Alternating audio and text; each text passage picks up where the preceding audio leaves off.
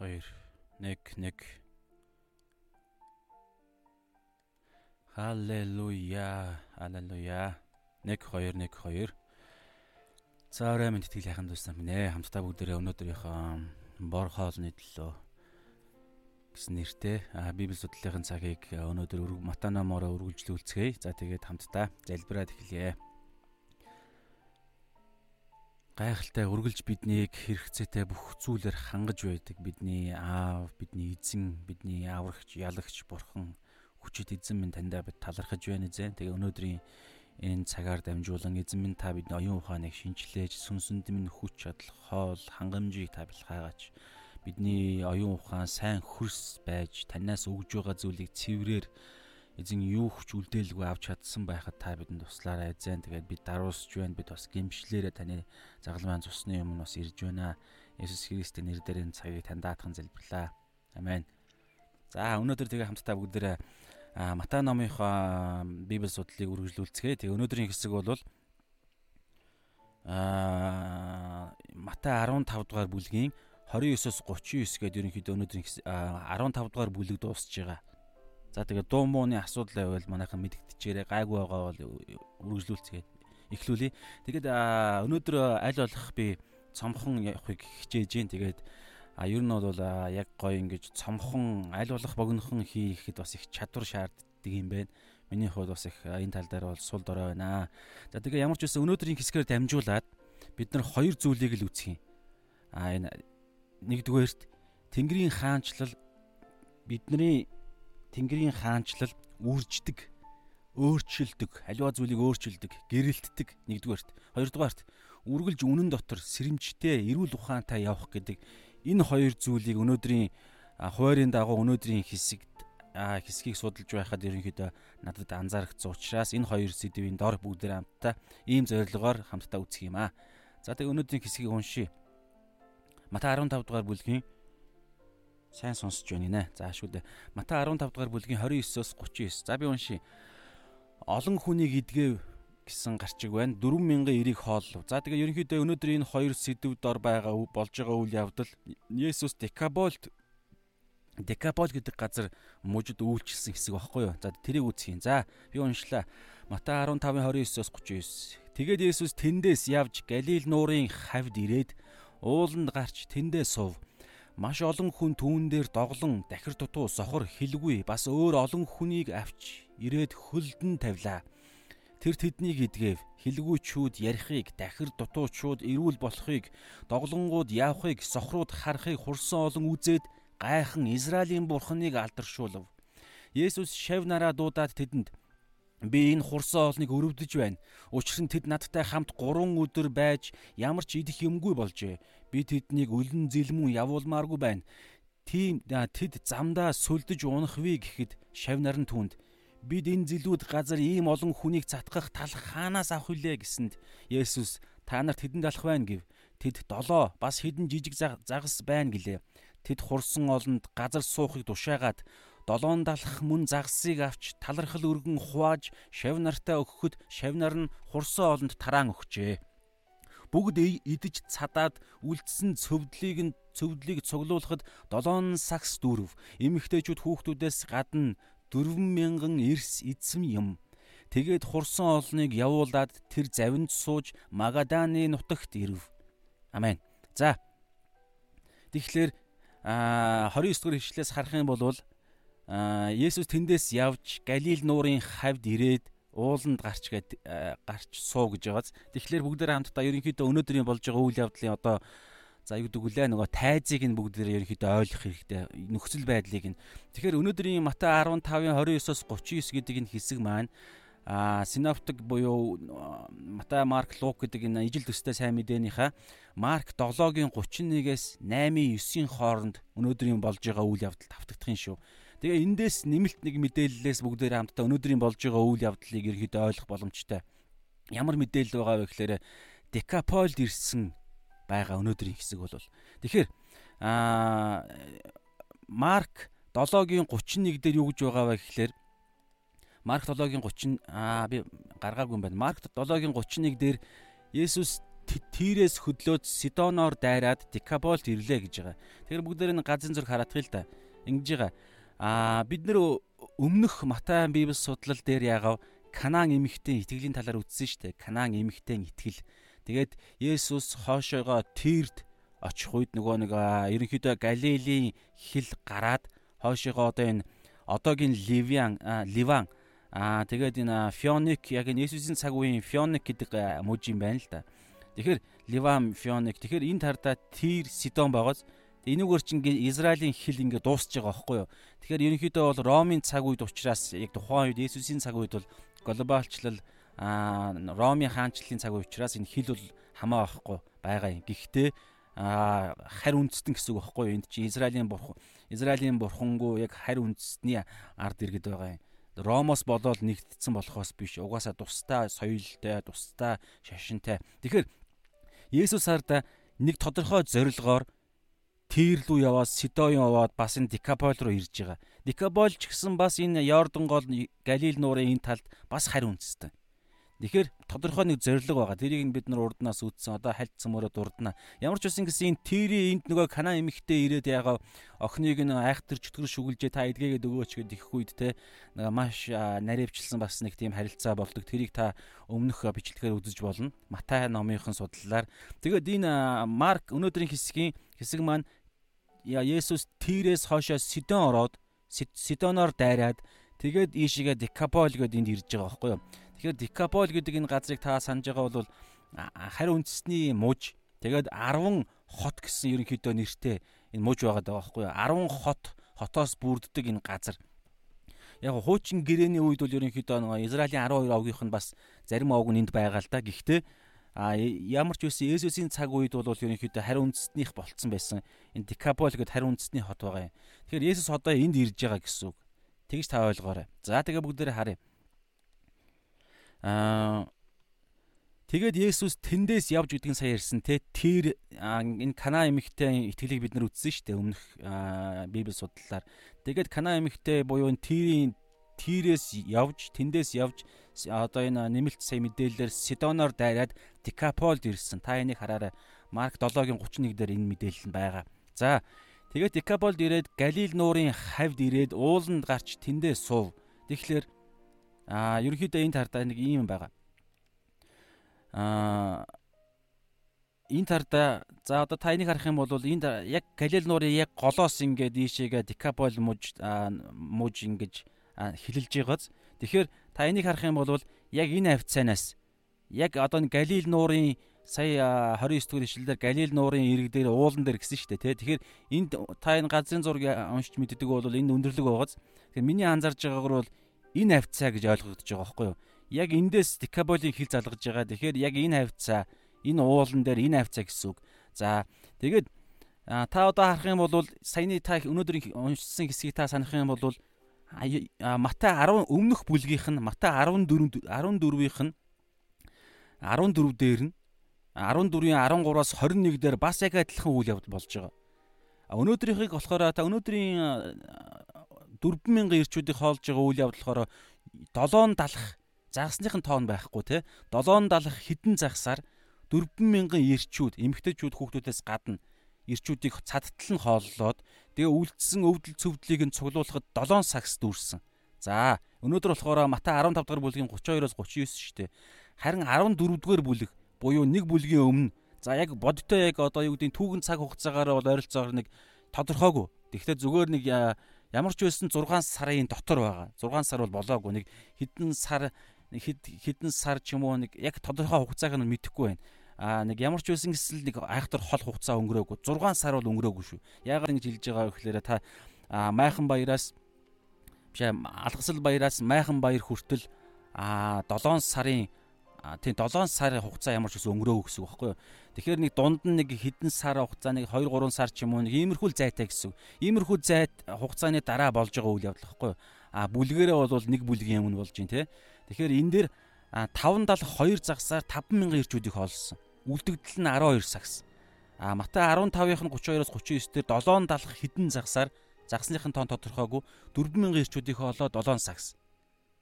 За тэгээд энэ 14 дугаар бүлэг дээр болж байгаа үйл явдал нь болохоор яг эндээс хоошоогоо энэ дээр одоо Тайбер Тибер юм уу Тибер гэдэг байгаа гэж би ойлгоод байгаа. Гэхдээ энэ дээр бол хараа Гаулан Гауланы тис гинүү. Энэ одоо мэдхгүй ямар би бол энэ Тибер гэж ойлгоод байгаа юм. Тэгэхээр энэ буруу ойлгосон юм уу мэдхгүй. Ямар ч үсэн гэсэн энд Израилийн энд нэг өөр нэг тийм мууж байгаа даа байхгүй юу? Херодын оршдог л мууж гэж би бол баримжаалаад байгаа хэсэг Цезар Август магуст ч гэлөө нарийн мэдэхгүй байна. Ямар ч үсэн гэсэн энд 15 14 дугаар бүлгийн 572 загсаар 5000 гэрчүүдийг хоолсноо энэ авцаа. Энэ Гэргээза гэдэг энэ энд өндөрлөг уул байгааз яг энэ авцаа болсон байгаа даа байхгүй. Тэг эндээс хөдлөөд энд энд Есүс ус энэ Бицадагаас ишигээ усан дээр алхаад энд нөгөө нэг Петр усан дээр алхахдаг үйл явдал чи энд болж байгаа. А дараа нь хэдэн сарын дараа энд Декаполт гэдэг өөр мужид дээр өнөөдрийн үйл явдал болж байгаа. За ингээд нэмэлт мэдээл болж байгаа. За тэгээ өнөөдрийнх хэсгүүрээ бүгдээр очие. Тэгэхээр аа нэг зүйлийг бүгдээрээ санаа. Юу вэ гэхлээр Есүс яагаад аа одоо энэ тардаа Галил Галилаас хойшоогоо ингээд Тир, Сидон, Декапол гээд энэ Израилаас гараад хойшоогоо ингэж татал таталт хийж байгаа бай. Энийний шалтгааныг нь бүгдээрээ дахиад санаатах. Энэ маш чухал байгаа юм. Ерөнхийдөө ухралт хийсэн баггүй юу? Яагаад яагаад Иесус хоошоогоо ухралт хийсэн бэ? Тэгээ энэ тал дээр Иохан 7-гийн 1-р 1 2 дугаар ишлэлээр та унших юм бол байгаа. Яг үйл явдал нь дараалан тэр багхгүй юу? Нөгөө майхан баярын үйл явдлаар тэнд дүүнер нь та яагаад ингэж олон нийтийн анхаарлаас хол ингэж нууцаар энэ гайхамшгууд хийгээд байгаа юм бэ? Та майхан баяраар Иерусалимд очиж олон хөлийн газар байгаа газар очиж та өөрийгөө алдаршуулаач гэдэг тийм үгийг хэлдэг. Тэгэд энэ Иесуст итгээгүй байсан байжээ гэд Библи Библи Иохан бичээч дүүнэрийг тэмдэглэсэн байгаа. Тэгэхээр яг тэр дүүнэрийнх нь хилдэг хилдэг санаанаас нь бид нэг баримт ойлгож болохоор тэр нь юу вэ гэхээр Есүс хоошоогоо таталт хийж аа бүр Израилийн хилээс бүр цаашаа гарч ингэж бүр хол газар анхаарлаас холдсон байгаа даа байхгүй. Тэрний шалтгаан нь юу вэ гэхээр Матай 14 дээр 14-ийн 1-ээс 12 дээр байгаа. Йоохны үхэл. Үхэл. Йохан үхдэг. Херодор толгоогоо цаазлуулдаг. Дараагаар нь Херод Есүсийн үйлчлэлийг Херод сонсоод аа миний толгойг нь завчсан Йохан үхлээс амилжээ гэж сонссон. Ингэж сонссныг нь Йоохны дагалдагч нар Есүст мэдэгддэг. Тэгээд Есүс үүнийг сонсоод ганцаараа дагалдагч нартайгаа байх гад аа тэр Битсайда руу явсан чинь өөдөөс нөгөө нэг 5000 ирчүүд буюу 15-аас 20 мянган хүмүүс чинь хүлээж идэг. Тэгээд үйлчлэл явагддаг. Дараагаар нь усан дээр алхдаг үйл явдлууд болж байгаа. Тэгэхээр тэр мэдээлэл чухал. Херодын үхлийг сонссон аа Иохан Баптистийн үхлийг сонссон Херод бас Есүсийг өөрийнх нь үйлчлэлийг Херод сонссон. Тэгээд өөрийг нь үхлээс амилсан Иохан гэж хүмүүс Херод таныг ярьж гинэ гэдгийг Есүс сонссон нэгдүгээрт. Хоёрдугаарт Йохан 6-гийн энэ яг үйл явдал нь яг хамт дараалаад болж байгаа үйл явдал шүү. Йохан 6-гийн 22-оос 71 дээр яаж байгаа вэ гэхээр Есүс нөгөө нэг урд өдөр нь 5000 ирчүүдийг 5000 ирчүүдийг эмгтээчүүд хүүхдүүд нэмэгдээд хоолчоод маргааш нь яадаг вэ гэхээр Капернаумд сүмд синагогд байж яхад нь нөгөө нэг хоол идэж цадсан хүмүүс чинь ирдэг. Дээр нь нэмээд юдэчүүд ирдэг, бас дагалдагч нар нь ирдэг. 12 нь ч гэсэн хамт байгаа.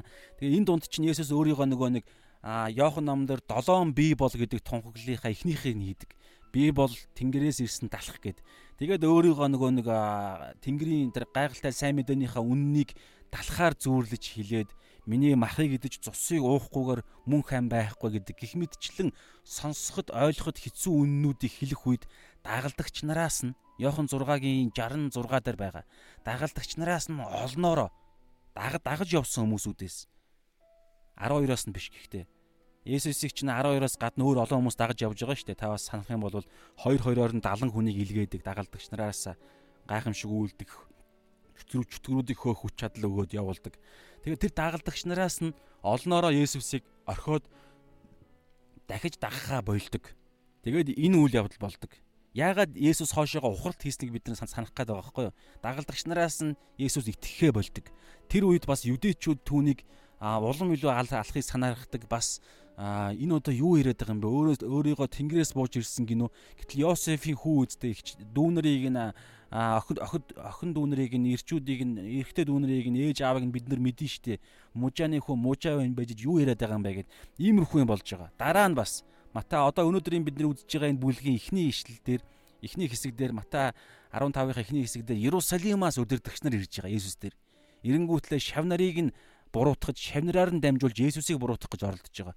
Энэ мэдчлэн асар олон Есүс рүү гайхамшиг үлдэж үннээ тунхаглах тусам асар ойр ойрхон Есүсийг хавчих хавчлага нэмэгдэж ирж байгаа байхгүй. Эндээс Есүсийн гаргаж байгаа шийдвэр нөгөө Иохан 5:18 дээр 19 18 дээр 19 дээр лөө хилдэгчлэн тэр эцэг бурхныхаа төлөвлөгөөгөөр хамаг юма хийдэг учраас тэр гуруулаар оршиж бурхны тэр нэгдсэн тэнгэрлэг цагийн хуваарийн дагуу хоошоогоо дадалт хийж байгаа байхгүй. Тэгээд ийм учраас Есүс хоошоогоо харь үндэсний Тир Сидон хот руу явсан. Тэгээд тэнд Кана эмэгтэйгийн итгэлийг бид нар үзсэн. Өнөөдөр дахиад Галилийг алгасаа Дикаполд ирж байна. Галил нуурыг гатлаад. За, энийг та ойлгоорой. Шалтгаан нь сайн ярьсан эдийг хэлсэн тий. Тэгээд бас нэг чухал юм нь цаг нь болоогүй гэж Есүс байнга ирдэг. Цаг нь болоогүй учраас миний цаг хараахан болоогүй байна гэж ярьдаг. Тийм учраас тэр цагаа а цаг нь одоо өөхөх цаг алдаршуулгах буюу загалмай дээр өөхөх цаг за сүнслэг байдлаар тэр ялалтыг хийх цаг нь болоогүй учраас наан нь цаг нь болох гээд байгаа учраас тэр цагийг одоо сунгахын тулд тэр цагийн цагийн тэнгэрлэг цагийн хуваараараа явахын тулд зарим үед Иесус хоошоогоо холдож исэн.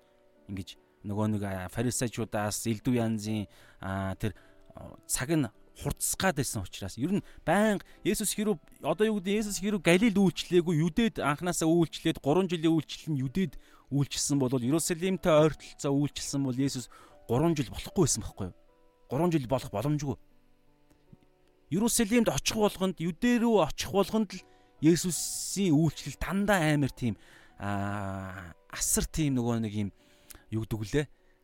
Одоо юу гэдэг маш тийм эрсдэлтэй Тэгээ одоо нэг бөөн маргаан дунд мөө мэтгэлцэн дунд маш их тийм эрчтэй, эрчимтэй үйл явдлууд болдог. Яагаад гэвэл Есүс чинь баг зөөхгүй шүү дээ. Есүс худлаа ярихгүй. Тэгэхээр Есүс үннээ ярих болгонд фарисеучуд тэр үнэн Есүсийн хэлсэн үнэн амнаас нь гарсан үнэн бүр нь фарисеучуудыг оволзуулж нөгөө нэг өтийг ингэж өтөнд гар хүрэхээр хөдөлдөг шиг Есүсийн хэлсэн үнэн болгон тэр бузар муу хорт могоо удамгаж байгаа хоёр нүүртэн фарисеучуудыг дандаа нөгөө нэг ингэж өддөг учраас тэднийг уурыг нь хүргэдэг учраас улам илүү Иесусыг алах хүслийг нь өдөөдөг учраас амнаас гарч байгаа үг болгоно. Яагаад гэвэл үнэн ярьдаг учраас харин тэд нар өөрсдөө бузар муугийн хүмүүс учраас Йохан 3-ын 20 дээр хилдэгчлэн бузар муу нь ил гарчихвэ гэсэндээ гэрлийг үзэн ятдаг гэж байгаа шүү дээ. Тэгэхээр тэр Есүс Есүс ингээл хаа газараа гэрэлтдэг байхгүй юу? үйл хийдэг үйлсээрээ хэлсэн үгсээрээ. Тэгэхээр харан одоо тэр харанхуйн төв рүү төв буюу Иерусалимийн төв рүү очих болгонд Есүс гэрэлтэд очих учраас харанхуйн хүүгүүд тэр гэрлийг үзэн ядаад асар шууд алахыг хүсдэг байхгүй. Тийм учраас Есүс дандаа хоошоогоо Галил руу үйлчлээ татдаг. Тэгсэн ч гэсэн бүр Галилаас дахиад хүрээд ирдэг. Шалтгаан олж барьж авч алах гээд одоо 15-ын ихний хэсгээр гарч байгаа.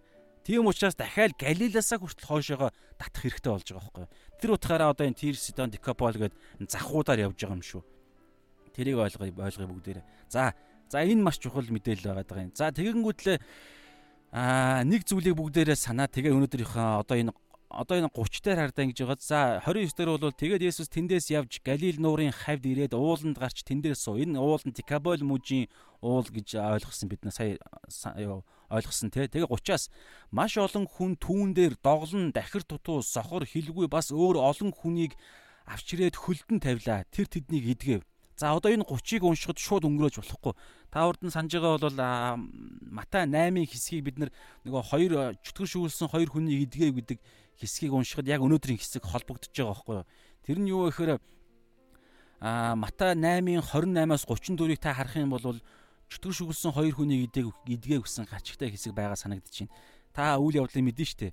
А Есүс нөгөө нэг Галил нууранд гараад тэгээд нуурын нөгөө ирэг рүү явдаг. Замдаа унтдаг.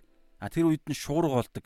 Тэгээд нөгөө дагалдагч нар чинь багшаа бид нар өөх хэсэг нь танд хамаагүй юу? Та биднийг авраач гээл боо юм болдог. Есүс босоод шургыг намдаагаад юу гэдэг вүлээ өчөөхөн ихтгэлтнүүдээ ч гэлөө тиймэрхүү юм яриад тэгээ цаашаага тэр нуулаа нуурыг гатлаад ирэг дээр очисон чинь өөдөөс нь хоёр чөтгөр шүглсэн хүн хүрээд ирдэг. Тэрнийх нь нэгийнх нь нэр нь Библиэлд байдаг. Тэр нь монголоор төмөн буюу англиараа бол легион. За тэр тухайн грекээр ч гэсэн легион.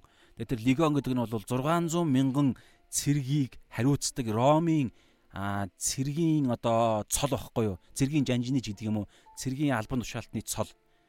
Тэгээд тэр ахуйн соёлынхаа тухайн тэр амьдралынх нь Ромын хаанчлалын үе шүү дээ. Тэр ахуйн соёлынх нь дагуу тэр жигтгэр өөрийнхөө нэрийг нэрийг Есүс хэлсэн байгаа байхгүй юу? Нэр чинь хинбэ гэж Есүс асуусан ч өөдөөс нь бид олоолаа учраас миний нэрийг легион гэдэг буюу монголоор түмэн гэдэг, түмэн цэрэг, түмэн. Ойролцоогоор бүр асар олон мянган чөтгөр тэр хүний дотор байсан байхгүй юу. Тэгээд чөтгөрийг нь Есүс хөөд зайлуулахдаа тэгээд нөгөө тэнд чинь бас харилцаа чөтгөртэй харилцдаг шүү дээ тий. Цагаас өмнө Бурхны хүү Есүсээ гэдгээ бас хэлдэг. Тэр утгаараа чөтгөрийн итгэл бид хэрвээ Есүсийг Бурхны хүү гэдэгт нь итгээд болцдог болвол ингээл болцдог болвол энэ итгэл чинь жүтгэрт ч гэсэн байдаг итгэл واخгүй юу. Тэр жүтгэрийн жүтгэрт байдаг итгэлээс бид давахгүй байна гэсэн үг. Зүгээр л тийм ээ Есүс бол Бурхны хүү гэж хэлчихэл тэгэл хийдэг юмаа хийгээл өөр ямар ч тэр итгэллээрээ амьдрдаггүй болвол жүтгэр яг ийм бохгүй юу. Жүтгэр Есүсийг Бурхны хүү гэдгийг дэндүү сайн мэднэ. Тэр утгаараа айж бэмгэндэг. Харин бид нар магадгүй хэрвээ буруу итгэлтэй хүмүүс бол харин айдаггүй бол жүтгэрөөч жүтгэрөөс ч 7 хонд итгэлтэй байх магадaltaй. А тэгээд харин бидний итгэл бол хамгийн гол нь тэр итгэлээрээ амьдрдаг үйлстэй итгэл шүү дээ. Тэгээ итгэлээрээ бид өдөр болгон амьдэрдэг итгэл чинь л авралын итгэл гэж ярьдаг. За тэгэнгүүтлээ легионы легионтой цагаас өмнө та биднийг дарчлахаар ирүү тэнд байгаа гахаа руу та биднийг оруулаач моруулаач гэд тэнд бас та энэ яг энэ хэсгээр Матай 8:28-аас 34-ийн хэсгээр та хийсэн библи судлыг харах юм бол бас тэр цаг магтай холбогдлолтой бас ойлгож ухаарсан олсон юм а би бас хуваалцсан байгаа та үзэж болно. Тэгэнгүүтлээ тэнд байгаа гахаан сүрэг рүү биднийг оруулаач гэж хэлдэг чөтгөр. Тэгээд Есүс гар гэж хэлдэг. Тэгээ тэнд байгаа тэр хүний нэг хүний дотор байсан чөтгөрүүд гараад за би тэр тоогийн та яг энэ саяны хэлсэн хэсэгдээс очиороо та үзээрэй. Тэгэх юм бол тодорхой тоо байгаа. Аа маш олон зуун хэдэн зуун гахаа 200 гахаа гэлөө 2000 гахаа ч гэлөө асар олон гахаа гахаан сүрэг байсан. Тэгээд нэг хүн нэг хүний дотор байсан гахаа гарахтаа тэр хэдэн зуун гахаа руу ордог. Тэгээ бүгд эргээс унж хөхдөг. Тэгээ эндээс бас өөр өөр олон зүйлийг бас ойлгодог шүү дээ. Тэгэхээр гол хэлэх гээд байгаа санаа нь тэр гахаа гахаа гахаар гахаараа тэр чөтгөр нь ороод гахаа нь бүгд эргээс унж өгдөг байхгүй юу. Тэгээ тэр гахааг хариулж исэн одоо энэ декапол мужийн гахаа чин яг энэ болсон үйл явдлыг хараад айгаад хот руу очиод хүмүүст хэлдэг. Хүмүүс бүгд хурж ирээд Есүсийг нутгаасаа хөөдөг. Уяа нуушлаарэ. Нутгаасаа хөөдөг байхгүй юу? Айсан да. Есүсээс айсан да. Тэгээд өөрсдийнх нь эд хогшлыг нь те гахааг нь сая алчлаа штэ. Иесусийн оролцоодоо болсон үйл явдал. Гэхдээ тэд нар тэр легион гэдэг хүн болон өөр нэг хүнийг хүмүүсүүдээс айгаад а тэр Капернаум ч юм уу те ингээд нөгөө нэг худалдаа 8 хийгээд тэр замаар төв зам дээр нь яг нөгөө нэг жуулчлаларын хүмүүсүүдийн алхаж явдаг үндсэн зам дээр нь тэр хоёр чөтгөртэй хүн байж идэг байсан бохоггүй юу. Тэгээ та тэр харьцуулсан юмас харах юм бол аим шигтэй ингээд хүмүүс тэр замаар явдаггүй. Явах хөстэй ойрхон замаар явдаггүй, тойрж явдаг байсан. Тэр мэдээлэл байгаа Библиэлд. Тэгэхээр юу хэлэх гээд байна вэ гэхээр тийм учраас тэр хавийн хүмүүсүүд тэр замаар явах шаардлагатай хүмүүс бүгд тэр хоёр хүнийг мэддэг байсан байхгүй юу? Айдаг. Энд амар хүчтэй хоёр чөтгөрч хөлсөн хоёр хүн байдаг гэд. Тэгээд бүгд замаас тойрж явдаг. Гэсэн чинь Есүс тэр чөтгөр шүглсэн хоёр хүнийг нь чөтгөрийг нь хөөн зайлуулдаг. Тэгээд жүтгэр нь харин тэгээд тийшээгээ гахааг ингээд нөгөө гахаан сүрэг сүргийг ингээд ерөнхийдөө алчдаг штэ тий. Тэгээд энэ болсон үйл явдлыг хараад манахаас энэ нутгаас та яваач баг зайлаач гэж хэлдэг айсандаа холоос. Гэхдээ нэг мэдээлэл тэнд үлдэж байгаа юу? Тэрийг одоо өнөөдөр бидний өнөөдрийн үлдэж байгаа хэсэгтэй холбогдно. Тэр нь юу гэхээр тэгээд чөтгөр шүглсэн хоёр хүнийх нь нэг нь ерөнхийдөө гол дүр яваад байгаа юм легион гэдэг нэртэй чөтгөр шүглсэн байсан хүн. Яг хүнийх нь нэр нь бол гардаггүй. Тэгээ тэр хүн хилдэг тэр чөтгөр шүглсэн байсан легион гэдэг чөтгөртэй байсан сүнс хилдэг. А хүн хилдэг. А би таныг за би энийг бол уншчихъя. Энэ энийг бол гаргацсан байгаа юм. Матай Марк 10 Марк 5-ын 17-оос 10 20 Тэд Есүсийг нутгаасаа явахыг гуйж эхлэв. Тэ одоо хөөсөн гэсэн үг. 18 Есүсийг завинд суух үед чөтгөр шүглсэн байсан мөнөө хүн түүнтэй хамт байхыг гуйсан. Дагалдагч нь болохыг гуйсан байхгүй юу? Тэгсэн чи Есүс гүсэн гэж Есүс үл зөвшөөрч зөвшөөрөлгүй харин түүнд одоо сонсороо гэртээ өөрийнхэндөө оч. Эзэн чамд хичнээн ихийг үйлдэж чамд хэрхэн өршөөлөө үзүүлсэнийг тэдэнд мэдэгдэв. Энэ саяны болсон гайхалтай мэдээг цааш нь тараа дамжуул гэсэн утгатай байхгүй. 20 дугаар ишлэл тэр явж Есүс түүнд хичнээн хардаа Есүс гэж байгааз Есүс түүнд хичнээн ихийг үйлдсэнийг Декаполиор нэг зарлаж эхлэв. Бүгд гайхацгааж байлаа. Энэ мэдээлэл чинь ямар мэдээлэл вэ гэхээр нөгөө нэг тэр нутгийн тэр нутгаар дайрж өнгөрөх ёстой бүх хүмүүсүүдийн бүгдийнх нь мэддэг байсан нөгөө нэг аимшигтэй чөтгөр шүүсэн хүн чинь чөтгөрөө чөтгөрөөсөө ангижраад тэгээд тэр өөрийг нь ангиж ирсэн хүн нь Есүс гэдгийг Декапол муж даяар сайн мэдээ тараадаг болсон бохоггүй юу. Энэ хугацаанаас эндээс хойш хэсэг хугацаа өнгөрөөд өнөөдрийн үйл явдал болж байгаа. Есүс дахиад нөгөө газар очиж байгаа бохоггүй Декаполд. Тэгсэн чи одоо та хардаа түрүү нутгаасаа хөөж исэн шүү дээ. Тэгсэн чи одоо юу болж байна? 30 дугаар ишлэл. Маш олон хүн түүн дээр доглон, дахир дутуу, сохор, хилгүй бас өөр олон хүнийг авч ирээд хөлдөн тавилаа. Тэр тэднийг идгэв. Хилгүүчүүд ярихыг, дахир дутуучууд эрүүл болохыг, доглонгууд явахыг, сохрууд харахыг хурсан олон үзээд гайхан Израилийн бурхныг алдаршуулв. Декаболч харь үндэстэн. Тэгтээ аа өөрсдөд нь энэ гайхалтай зүйлийг хийсэн. Үүнийх нь эхлэл нь түрүүн легон гэдэг тэр хідэн сарын өмнө болсон тэр гайхамшиг байхгүй юу.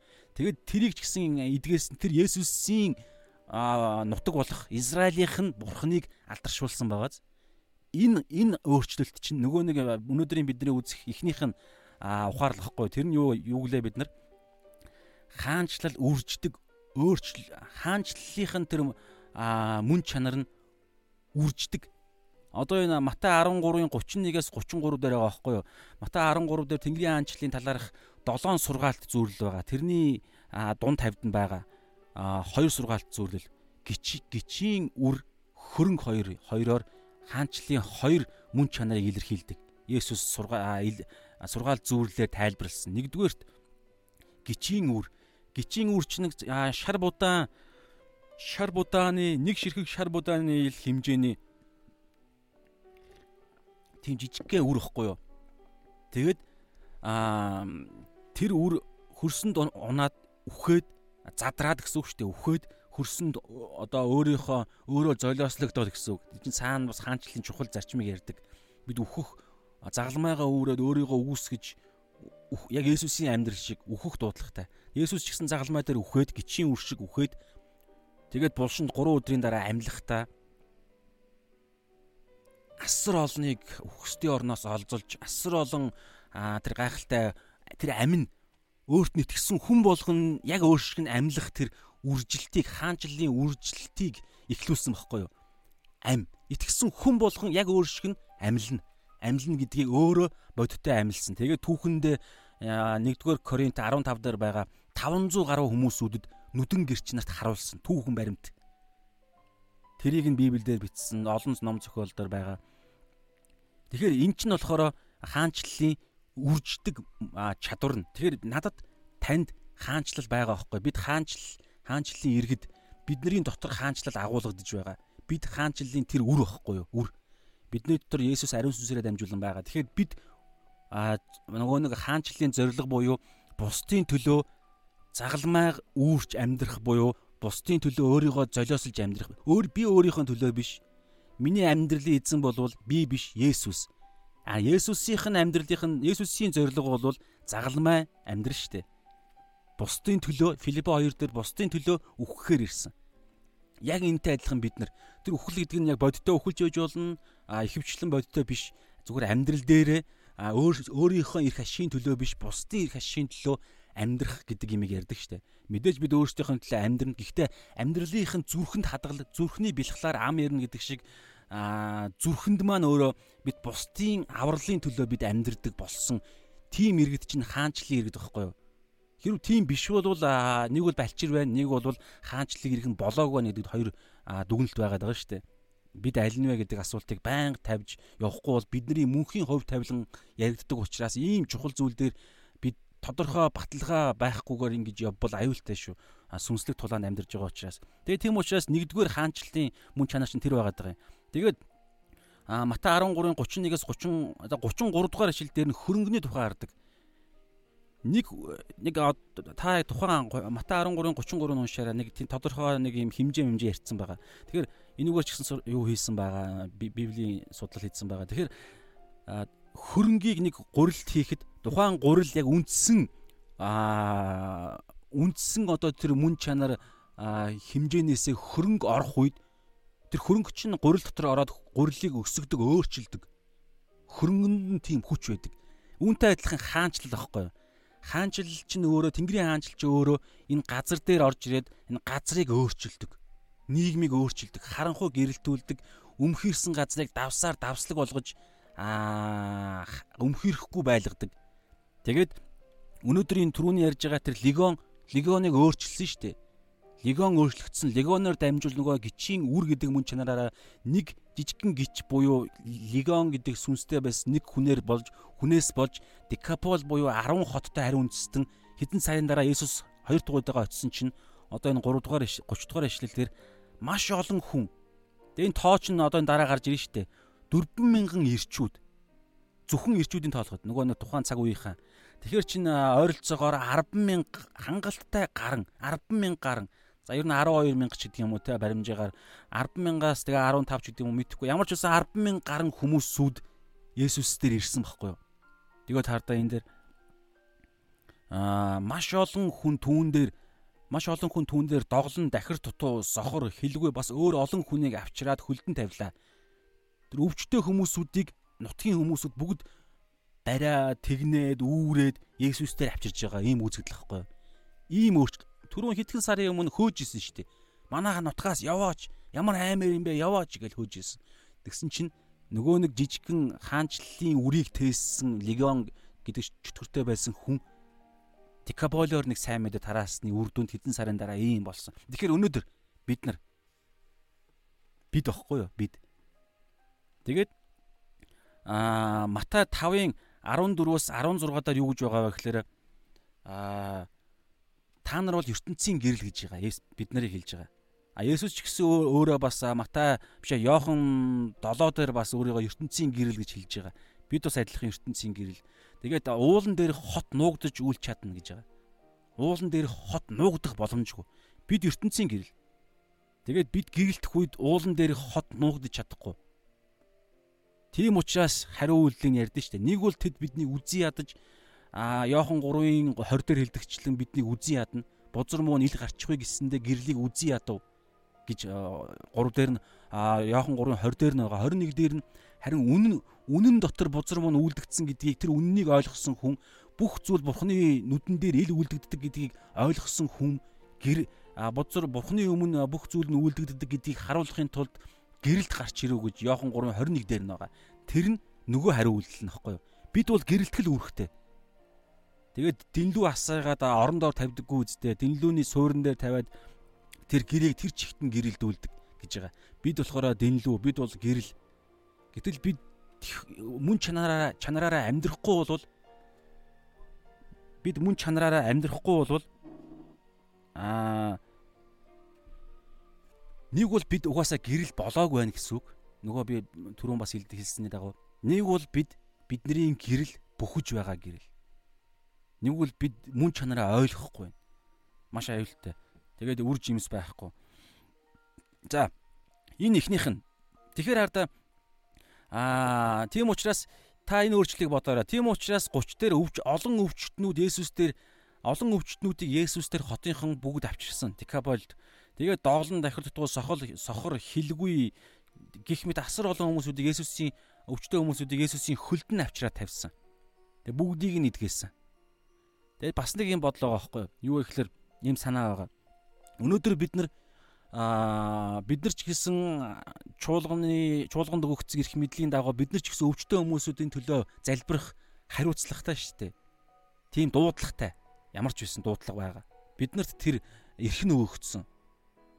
Итгэлээрээ явдаг хүмүүс чуулганд жинхэнэ бурхны чуулганд Есүсийн чуулганд. Тэгээ бид өвчтөе хүмүүс бидний дээр ирэхэд бидний хандлага төлөв байдал ямар байх вэ гэдгийг өнөөдөр энд бас харуулж байгаа байхгүй гэсэн санаа байгаа. Тэрний юу гэхээр өвчтөө хүмүүс бид нар бид нараар залбируулах гад ирэхэд бид өөрсдөө эдгэж өгж байгаа юм шиг хандлага гаргаж ирээсэй болохгүй. Эсвэл бид өөрсдөө эдгээх юм шиг бид хариуцлага үүрж болохгүй байхгүй юу? Бид зүгээр л яг эдгэр хүмүүс шиг 30 дугаар ишлэлдэр маш олон хүн түүн дээр доглон дахир дутуу сохор хилгүй бас өөр олон хүнийг авчираад хөлдөн тавилаа. Яг эн чинь бидний үүрэг байхгүй юу? Өвчтөө хүмүүс инх тайван одоо хинч гэдэг инх тайван хаа инх тайван найзаа инх тайван ахлагчаач гэдэг юм уу те а миний төлөө залбирж өгөөч гэдэг юм бол тэр хүн бол зайлуул намайг л харж байгаа. Есүс бид нар чи Есүсийн одоо тэ төлөөлөгч нар шүү дээ. Тэгээ харин бид залбирж өгөн. Тэгэхдээ бид дотроо хандлага нь яг итгэл маань байр суурь маань ямар байх ёстой вэ гэхээр угаасаа ёстой гэж угаасаа ийм л факт байгаа байхгүй. Бид идэж чадахгүй шүү дээ. Гэтэл энэ бодол дотор янз бүрийн одоо юу гэдэг мэхлэл холилдсон үзэл вирустцсан ойлголт байгаад идэг. Тэр нь бид идгэж өгөх юм шиг. Тэгээд идэгчих юм бол бид алдарших гад идэхгүй бол бид онгоонд орох гээд байгаа учраас жоохон холдож явдаг. Гэтэл харж байна энд хардаа дикабол харь үндэсний дикаболынхан бүгд нэг мэдээлэл баримт байсан шүү дээ. Тэр нь юу вэ? Хэдэн сарын өмнө чөтгөр шүглсэн байсан хүнийг нөгөө аимшигтай хэн блэ нэрийг нь дуудаж байгаа тэр хоёрыг ч гэдэг юм уу тэрийг идгээсэн хүн чинь ирж явнаа. Манайхан бүгд өвчтөе хүмүүсүүдээ авчираарай гэж харж уу? би тэр үүрж өвчтөе үнийг үүрээ явж байгаа надад ямар ч тийм хариуцлага байхгүй шүү дээ. Миний гол хариуцлага бол тэр өвчтөе үнийг аваад Есүс дээр л авчрах. Хүлгүүн хүн бол би үүрээд авчрах. Сохор хүн бол ингээд газарчлаад Есүс дээр л авчрах. Тэгэл болоо. А эдгээх үгүй юу юу болох нь мэдэхгүй. Есүс л өөрөө шийднэ. Энэ бидний байр суурь байхгүй.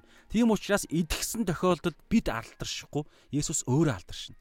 А Есүс алдаршина гэдэг чинь аав нь алдаршина гэдэг өнөөдрийн одоо энэ доор байгаа гурван ишлэл байгаа. Тэгэхээр бид хүний төлөө залбирч өгөхөөсөө айж өрөөсөө болохгүй байгаа байхгүй. Мэдээж надад ч гэсэн энэ мэдрэмж байдаг. Гэхдээ хамгийн гол зүйл бол бид хайр, бидний гол үр бол та нар хайртай байхаас өөр ямар ч хүнд үргүй вэ гэж гисэн санаа бас Библиэлд байгаа шүү дээ. Бид хайрлах л үүрэгтэй. Аа тийм учраас хайраасаа гарч байгаа юм зүгээр бид Есүсийн нэрээр залбирж өгөөд Есүст нь даатгаад за Есүс танд үнэхээр хайртай, намайг хайрлсан шиг танд хайртай. Тиймээс тийм учраас бүгд би таны таныг зуучлаад таныг хайрладаг Есүст би залбирж өгье гэ. Тэгээд Есүс тэгээд идэх үед нөгөө хүн чинь ч гэсэн идгэснийхаа дараа бодохдоо өө инхтэй ам ахлагч, инхтэй ам ах маань, найз маань, дүү маань ямар мундаг юм бэ гэж биш. Хүүхэн Есүс гэж бодох хэрэгтэй байхгүй юу? Яг тэр угаасаа л бодит амьдрал дээр үйл явдал тэгж л цаана өрнж байгаа. Бид энэ наан ингэж сууг болохоро багж нь болохоро дунд нь чөтгөр сатан бас ингэж бид нарыг мэхлэх гэж оролддог, бүдрүүлэх гэж. Тийм учраас энийг цаа би бүгдээрээ эндээс бас харъя те. Эдгээр хүмүүс зүгээр л Есүс авчираад өвчтөе хүмүүсүүдийг авчираад Есүсийн хөлтөл тавьсан. Би тийм л үүрэгтэй хөл Есүсийн хөлтөнд тавих л залбирал хийх. А Есүс өөрөө эдгэх эдгэн үгүй юу тэр Есүс өөрийнх нь эрх мэдэл эдгэхгүй байгаа нь хүртэл зоригтой байж бол мэдхгүй одоо. Гэтэ эдгээч хийсэ гэд бид нар үнэхээр тэр өвчтөе хүний өвдөж байгааг нь хараад хайрлаад өрөвдөөд эзэн минь эдгээд өгөөч гэж бүгдээр тэр хүний төлөө гуух хэрэгтэй байхгүй юу? Та чадна шүү дээ. Чадахыг нь бид нар мэднэ шүү дээ. Эдэхгүй бол эзэн та яагаад одоо юу гэдэм дэ тэр тавтан тавтан дахиад дахиад эдгэн эдгээд нөгөө канаан эмэгтэй шиг. Канаан эмэгтэй чинь дөрвөн ханыг цөм зөхөж Иесусээс хариулт авсан шүү дээ тэрнтэй адилхан бүгдээр бас тийм агуу итгэл гэдэг чинь нөгөө тууштай итгэлийг ярьдаг штэ тий а галаар шалгагдах мэт ингэж нэг удаа гуйсан чи идэхгүй ангууд нь дахиад гуугаад. Угаасаа идэх идгээд чадханд нь бол асуудал байхгүй. Гэхдээ яагаад идэхгүй байгаа юм бэ гэдэг дээр нь бид нар хариултаа аван автлаа залбирдаг гэсэн. Тэн чин хайр байгаа. Даа түүнээсээр би алида надаас энерги одоо нөгөө нэг чакра гарахгүй байна гэл дахиж ингэж ягаал хоёр дахь удаага гэл. Гээл надаас юм гараад байгаа юм шиг биш эзэн эзэн рүү хандж байгаа л нэг иймэрхүү юм хум а ерөнхийдөө бол бид нар бид нарт чинь тийм үүргэн байгаа болохоос биш а бид бол эдгээгч нь биш ээ гэдэг ойлголт байгаа. А тэгээ яг хуу яг өнөөдрийн хэсгийн одоо энэ ижил төстэй хэсэг дээр нь бол Марк 7-гийн 32-оос 37 дээр Есүс яг хилгүүд төлөөний хоёр хүнийг эдгэж байгаа үйл явдал гарч байгаа. А олон түмнийг одоо энэ Мата дээр байгаа энэ олон түмнөөс хажууд нь бас нэг онцгой нэг тохиолдлыг марк тэмдэглэсэн байгаа байхгүй. Яг хилгүү хил байхгүй ээрж ярддаг ч үлээ хилгүү тэгээд дүлий хоёр хүнийг Есүс дээр авчираад Есүс олон хүмүүсүүдээс холдож ийгоод дүлий хүний чихэнд нь Есүс гараа хийдэг. Тэгээд хилгүү хүний хилэнд нь гараа хүргдэг. Гэхдээ наан а нулимдэг тэр хил рүү нулимсэн үү? Гаран дээр гаран дээр нулимж ягаад хилдэнд нь хүрсэн үү мэдэхгүй. Ямар ч байсан библ дээрээ байгаа. Нулимаад хилэнд нь гараа хүр хилэнд нь хүрүү гэсэн байгаа.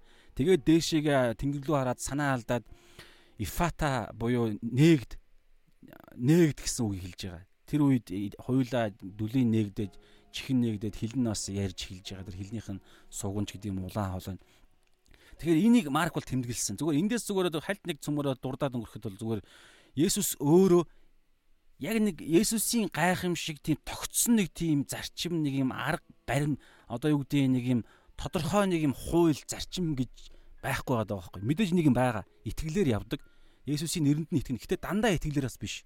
Заримдаа Есүс итгэлгүй итгэл мэтгэл юусоо ярилцахгүй өөрийгөө ч мэддэгдэг нөгөө Иохан 5 дээр 38 жил өвчтөе байсан хүнд Есүс өөрийгөө ч таниулаагүй тэр хүн өөрийг нь эдгэх гээд байгаа энэ хүний Есүс гэж мэдээчгүй зүгээр л очиод бос дэвсгэрээ аваад явал хэлсэн. Тэгэхээр тэр хүн чинь нөө хинт мэдхгүй нэг хүн ирээл дэвсгэрээ аваад явж хэлсэн. Наа харилцаж байгаа л да чи идгмэр өнөө гэж гэсэн. Тэгээд Есүс тэр хүн идэгчдэг. Дараагаар нь тэ фарисеучуудын амралтын байсан учраас яагаад яагаад амралтын өдөр ингэж байгаа гэж байгаа гэсэн чинь хин дэвсгэрээ аваад яв гэсэн ингээд гэсэн чинь намаа нэг хүн хэлсэн. Гэтэ нэрийг нь мэддэггүй. Харж байна. Есүсийг мэдхгүй гэсэн. Итгэл байхгүй. Гэтэ идэгцэн. Тэгэхээр Есүс заримдаа ингэдэг. Заримдаа болохоор бүр Назарт очоод аа нөгөө төрлөг нутагтаа очоод Есүс тэдний итгэлгүй байдлаас нь болоод олон гайхамшиг, агуу гайхамшгуудаа үйлдэж чадсангүй, чадаагүй гэдэг үг бас байгаа. Чадахгүй байсан Тэгэхээр бурханд боломж бурхан чадваргүй болчихж байгаа юм уу? Тэгэхээр тэнд нэг юм байгаа байхгүй. Есүс нөгөө Иохан 5-ын 19-л 18 дээр байгаачлан Есүс зарим тохиолдолд ингэж ажиллана, зарим тохиолдолд ингэж ажиллана. Одоо энэ дээр болохоор Марк 7-гийн 32-оос 37 дээр үйлдэлтэйгээр эдгэж байгааз. А бас нэг өөр тохиолдолд хараагүй үнийг та санаж байгаа бол би одоо хизээ хаана байгаагаас мартахгүй. Ямар ч үсэн Есүс ингэ шүлсээрээ шавар зурж байгаа нүдэнд нь дүрхээд тэгээд тэр цөөрөм дээр очиж угаа гэж хэлдэг иймэрхүү бас эдгэх арга барил хүртэл байдаг. Юу хэлэх гээд байна вэ гэхээр бид нар Бурхныг бэрчиг үзэж болохгүй гэсэн. Нэг дээр нэмэх нэг тэнцүү хоёр гэдэг шиг надад итгэл байна. Бурхан надад хайртай. Тэгэхээр энэ гуйлтанд Есүс заавал хариулна. Тэгэл нэг авах хөстэй юм авж байгаа юм шиг ингээ очиод тэгээ идэхгүй бол яагаад та ийм л зарчмаар ийм л хуулиар ажилладаг үсттэй надад итгэл байна. Та надад хайртай гэсэн энэ энэ гуйлт надад хэрэгтэй учраас идгэж өгөхөд өрөө нэхэр албаа ёстой юм шиг үгүй цаана бурхан бүх omniscience гэдэг бурханы юу байгаа шүү дээ те одоо зан чанар мөн чанар нь байгаа. Бурхан мэддэг ирээд энэ хүн хүн болгоны ялгаатай хүн болгоны ямар зүйлдэн зориулж яах их михэ ямар хүнд нь үгүй ямар хүнд нь тэххүү ямар хүнд нь хүлээгээрээ мүлээгээрээ гэд бурхан өөрт нь бүх их мэдлэн байгаа. Бид бидний гол үүрэг бол зүгээр л авчраад Есүст өгөх тэгээд яах гэсэн бид мэдэхгүй Яаж ч магадгүй. Гэхдээ аль нь ч байсан гэсэн үнэхээр Ром 8:28 дээр байдагчлан те Бурхныг хайрладаг түүний зорилгын дагуу дуудагдсан л бол тэр хариулт нь ямар ч байсан хамаа байхгүй миний сайнны төлөв байгаа. Энд итгэгч нь үрт дахиад нөгөө итгэлч ярьж байгаа байхгүй харагдахгүй зүйл чинь. Тэгэхдээ би энд итгэж гинэ гэсэн санаа. За тэгээ цаашаа бүгдээр. Тэгэхээр а тэгээ 31 дээр ингэж штэ Хилгүүчүүд ярихыг, дахир дутуучууд ирүүл болохыг, доголонгууд явахыг, сохрууд харахыг хурсан олон үзээд гайхан Израилийн бурхныг алдаршуулв. Израилийн бурхныг алдаршуулв. Би нэг уншихгүй хэдийн ишлэг зүгээр би дурдаад өнгөрье. Йохан 5-ын 19-оос 19 бас 30 дээр аачлаарай. А Йохан 5-ын 19 30 дээр Есүс ингэж хэлсэн нөгөө түрүүний хэлдэг 19 юм те хүү өөрөөсөө юу ч хийж чадахгүй юу ч хийдэггүй а 30 дээр нь чадахгүй гэдэг үг нь байгаа байхгүй чадахгүй гэдэг үг а 19 дээр нь хүү өөрөөсөө юу ч хийдэггүй гэж байгаа. Эцгийн хийж харуулсныг л хүү хийхээс хүү өөрөөсөө юу ч хийдэггүй. Тэгэхээр зөвхөн эцгийнхээ харуулсныг л хүү хийдэг. 30 дээр нь бүр би өөрөөсөө юу ч хийж чадахгүй гэж байгаа. Тэгж илэрхийлсэн Иесус тэгэхээр чадах чадахгүйдаа гол нь биш. Чадахгүй байхаар энэ гурвын тогтолцоо чинь ингэж ажилдаг гэсэн үг. Хоорондоо хамааралтай. Тэгэхээр яг өнөөдөр бид нар адилхан. Яг адилхан бохгүй бид ийм дуудлагатай. Өнөөдөр бид нар Есүсийн явсан замаар зам мөрөөр явах, загалмайн замаар явах дуудлагатай байхгүй юу? Цорын ганц хавчиг хаалгаар ордог тэр нь Есүс, авралд ордог ганц хавчиг хаалга Матад 7 дээр байгаа. Өөр авралд ордог хаалга байхгүй. Аврах нэр өгөгдөөгүй, үүс дээр бас байгаа. Тэгээд аврагдсан хүний дараа нь үргэлжлүүлэн амьдрдаг ганцхан зам байгаа. Тэр нь Есүсийн явсан л зам. Өө үгүй үгүй үгүй би бас өөрийнхөө хүснээр амьдрна гэвэл тэр хүн аврагдаагүй байна гэсэн үг. Тэр хүн Есүсийг амьдралынхаа эзнээ болгоогүй байна гэсэн үг. Тэгж өөрийгөө дутуу илэрхий одоо юу гэдэг өөрийгөө хуурж яваа. Нөгөө өөрийгөө мэхлэгч гэдэг хэсэг байхгүй юу? Мата 7 дээр байгаа. Тийм учраас эргээд та авралын сайн мэдээг сонсож эргээд та а итгэх итгэхгүй болвол одоо хүртэл гим нүглэж асуудал шийдэгдээгүй мөнхийн там тамийн шийтгэлийн аюул байсаар байгаа байхгүй. Хэрэг би өнөөдөр миний амьдралын эзэн Есүс биш. Би өөрийнхөө амьдралын эзэн гэж явж байгаа болвол шүү дээ. Хоёр эзэн зэрэг үйлчлэх боломжгүй гэж байгаа. Ийм имийг Библи байн хэлж байгаа. Захилуудад ч гэсэн байн байгаа. Гэтэл би байн хэлдэг та намайг үздэг хүмүүс мэдж байгаа. Гэтэл Монгол чуулганд бидний эргэн тойронд би надад ч гэсэн булан тойрох болгонд дандаа ийм аюул байгаа байхгүй. Өөрийнх нь төлөө би амьдрах уу? Эсвэл ийм нэг улаан Есүс чинь шүнслэг амьдралаар амьдрах уу? Нэг юм тэглээгээд би таныг би бүх хийдэг юм орхиод цуглаанд үйлчлэж хэлээгүй шүү. Цаад юм ярьдаг. Цаад тэр нэг гол хөдөлгүүрийг нь ярьж байгаа. А хийдэг юм бүх бүгд хийдэг юм а хийн. Гэхдээ цаад хөдөлгүүр нь мөн чанар нь тэр нэг юм а үнэр нь тэр гэрэл нь бүх юм нь өөрчлөгддөг. Тэгэхээр а тэрний нэгдүгürt энийг яагаад ярих гэдэг вэ гэхээр 31 дээр шүү дээ. Бүгд Есүсийн зэрэг хийсэн гайхамшиг хараад Израилийн бурхныг алдаршуулв. Есүсийг биш. Бурхныг алдаршуулж байгааз Израилийн бурхныг. Тэгэхээр хараа а Иохан 6-гийн 38 дээр юу гэж байгаа вэ гэхээр ингэж байгаа. Зөвхөн илгээгчийнхээ хүслийг л би илгээгдсэн. Би дээрээс илгээгдсэн. Тэгээд би намайг илгээгчийн хүслийг л би хайдаг. Өөрийнхөө хүслийг би хайдаггүй гэж Есүс өөрийгөө гэрчилсэн. Яг энтэй адилхан бас би намайг хэн илгээсэн? Та итгэгч мөн бол би итгэгч учраас та бас итгэгч мөн бол бидний хэн хизээ хаашаа яагаад илгээгсэн гэдэг асуултанд бид нар хариулдаг уу? Хариулж чадах уу? Намайг хэн илгээсэн гэхээр Есүс намайг илгээсэн те. Бид нар бол эргэтнүүд, чуулганы эргэтнүүд, эргэтний тэргүүн болсон, толгой болсон Есүс бид нарыг өдөрддөг. Бид нарыг Матай 10 дээр бол сүрэг чон дунд хонь мэт илгээсэн.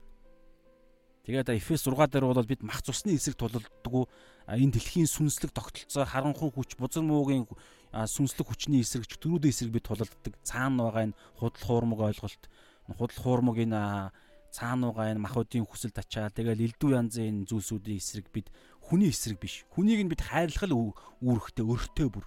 Дайснаа хүртэл хайрлах ёстой бид. Ягаад тэгэхээр бид Есүсийн дайсан байсан. Есүс намайг хайрлсан учраас Тийм учраас бид яг Есүс болохоор өөрийнхөө өөрийг нь илгээсэн аавынхаа хүслийг л хайж тэгээд аавынхаа хэлсэн зүйлийг л үйлдэж амьдрсан. Нийгч зүйлийг өөрөөсөө үйлдээгүй. Тэгээ бүр Матай 5-ын 30 дээр би бүр чадахгүй гэсэн шүү дээ Есүс. Тийм төлөвлөгөөтэй ирсэн. Өөрөөсөө юу ч хийж чадахгүйгээр ирсэн. Зөвхөн Есүс эцгийн хийж харуулсныг л хүү хийхээр. А 6-гийн Иохан 6-гийн 38 дээр нь болохоор өөрийнх нь хүслийг хайдаггүй та гитсментх залбирлыг санаж байгаа бол тэнд хамгийн аимшигтай шаналлын үе байсан учраас өөрийнхөө хүслийг бидний төлөө биднэрт гэрч болгохын төлөө өөрийнхөө хүслийг нэг илэрхийлдэг санаж байгаа те. Та боломжтой бол энэ аягыг надаас зайлуулаач. Тэр нь өөрийнх нь хүсэл нь. Тэгээд эргээд одоо энэ Иохан 6-гийн 38 дараа нь шууд илэрхийлдэг. Гэхдээ шууд араас нь хэлдэг. Гэхдээ миний хүсэл биш таны хүсэл биелэх болтугай. Тэгээд үхэл рүүгээ явдаг. Энэ бидний амьдрал ийм амьдрал ахгүй юу? Библи ингэж хэлж байгаа.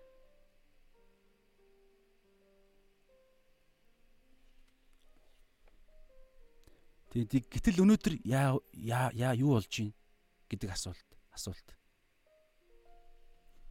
За Йохан Йохан 7-гийн 18. Аа Йохан 7-гийн 18 дээр болохоор юу гэж байгаа вэ гэхээр зөвхөн илгээгчийнхээ алдрыг хайж ярддаг. Өөрөөсөө яригч нь өөрийнхөө алдрыг хайдаг. Харин өөрийг нь илгээгчийн алдрыг хайгч нь болохоор үнэн бөгөөд түүний дотор зүв зүв бус гэж байдаггүй гэсэн ишлэл байхгүй. Тэгэхээр энд хардаа тэгж байгаа зү 31 дээр өнөөдрийн хэсгийн 31 дээр Есүсийн хийсэн гайхамшиг хэлгүүн ярихыг дахиад тутун ингээд ингээд гайхамшигуд өвчнгүүд идэгэхийг хараад Израилийн бурхныг алдаршуулв. Есүсийг биш, Израилийн бурхныг алдаршуулв буюу аавыг нь алдаршуулсан гэсэн үг байхгүй юу? Яагаад? Есүс эдгээрийг үйлдэхтэй хүртэл өөрөөхөө хүчээр биш эцгийн хүчээр гэдгийг ойлгуулсан байгаад байгаа сте. Бас өөрийг нь ч гэсэн Израилийн бурхан гэж харсан бас байгаа бах те.